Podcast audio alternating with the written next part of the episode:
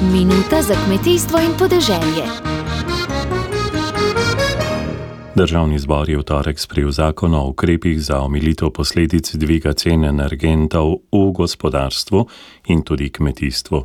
Kmetijsko-gozdarska zbornica Slovenije pozdravlja ukrepe in rešitve, ki jih prinaša ta zakon za področje kmetijstva, saj bodo pomagali kmetom prebroditi težave, ki jih imajo pri svojem delu zaradi dviga cen goriv in izjemnega dviga cen gnojil.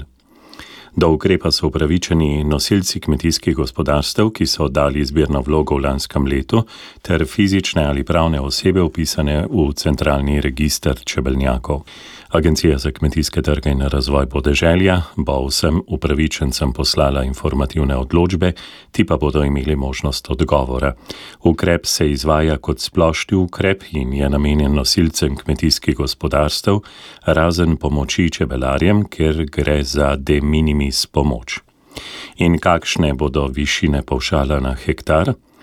49 evrov za površine trajnih travnikov, travinja z razpršenimi neupravičenimi značilnostmi in ekstenzivnih oziroma travniških sadovnjakov, 138 evrov za površine hmelišč trajnih rastlin na nivskih površinah, rastlinjakov s sadnimi rastlinami, razen za pridelavo jagod, vinogradov, matičnjakov, intenzivnih sadovnjakov, olčnikov in ostalih trajnih nasadov. 108 evrov na hektar površine njiv, začasnega travinja, njiv za rejo polžev, hmelišč v premeni, jagod na nivi, rastlinjakov, rastlinjakov s sadnimi rastlinami in kmetijskih zemljišč v pripravi. Do pomoči bodo upravičeni tudi vsi čebelari, ki so imeli 30. junija lani evidentirane čebelje družine v centralnem registru čebelnjakov.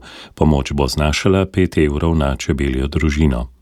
Nosilec kmetijskega gospodarstva mora za pridobitev finančnega nadomestila izpolnjevati naslednje pogoje. Na dan uveljavitve odloka oziroma na dan, ki bo določen odloko, mora imeti poravnane vse zapadle davčne obveznosti in druge denarne nedavčne obveznosti, ki so više od 50 evrov, za nakazilo dodeljenih sredstev pa mora imeti odprt transakcijski račun v skladu s 35. členom zakona o kmetijstvu.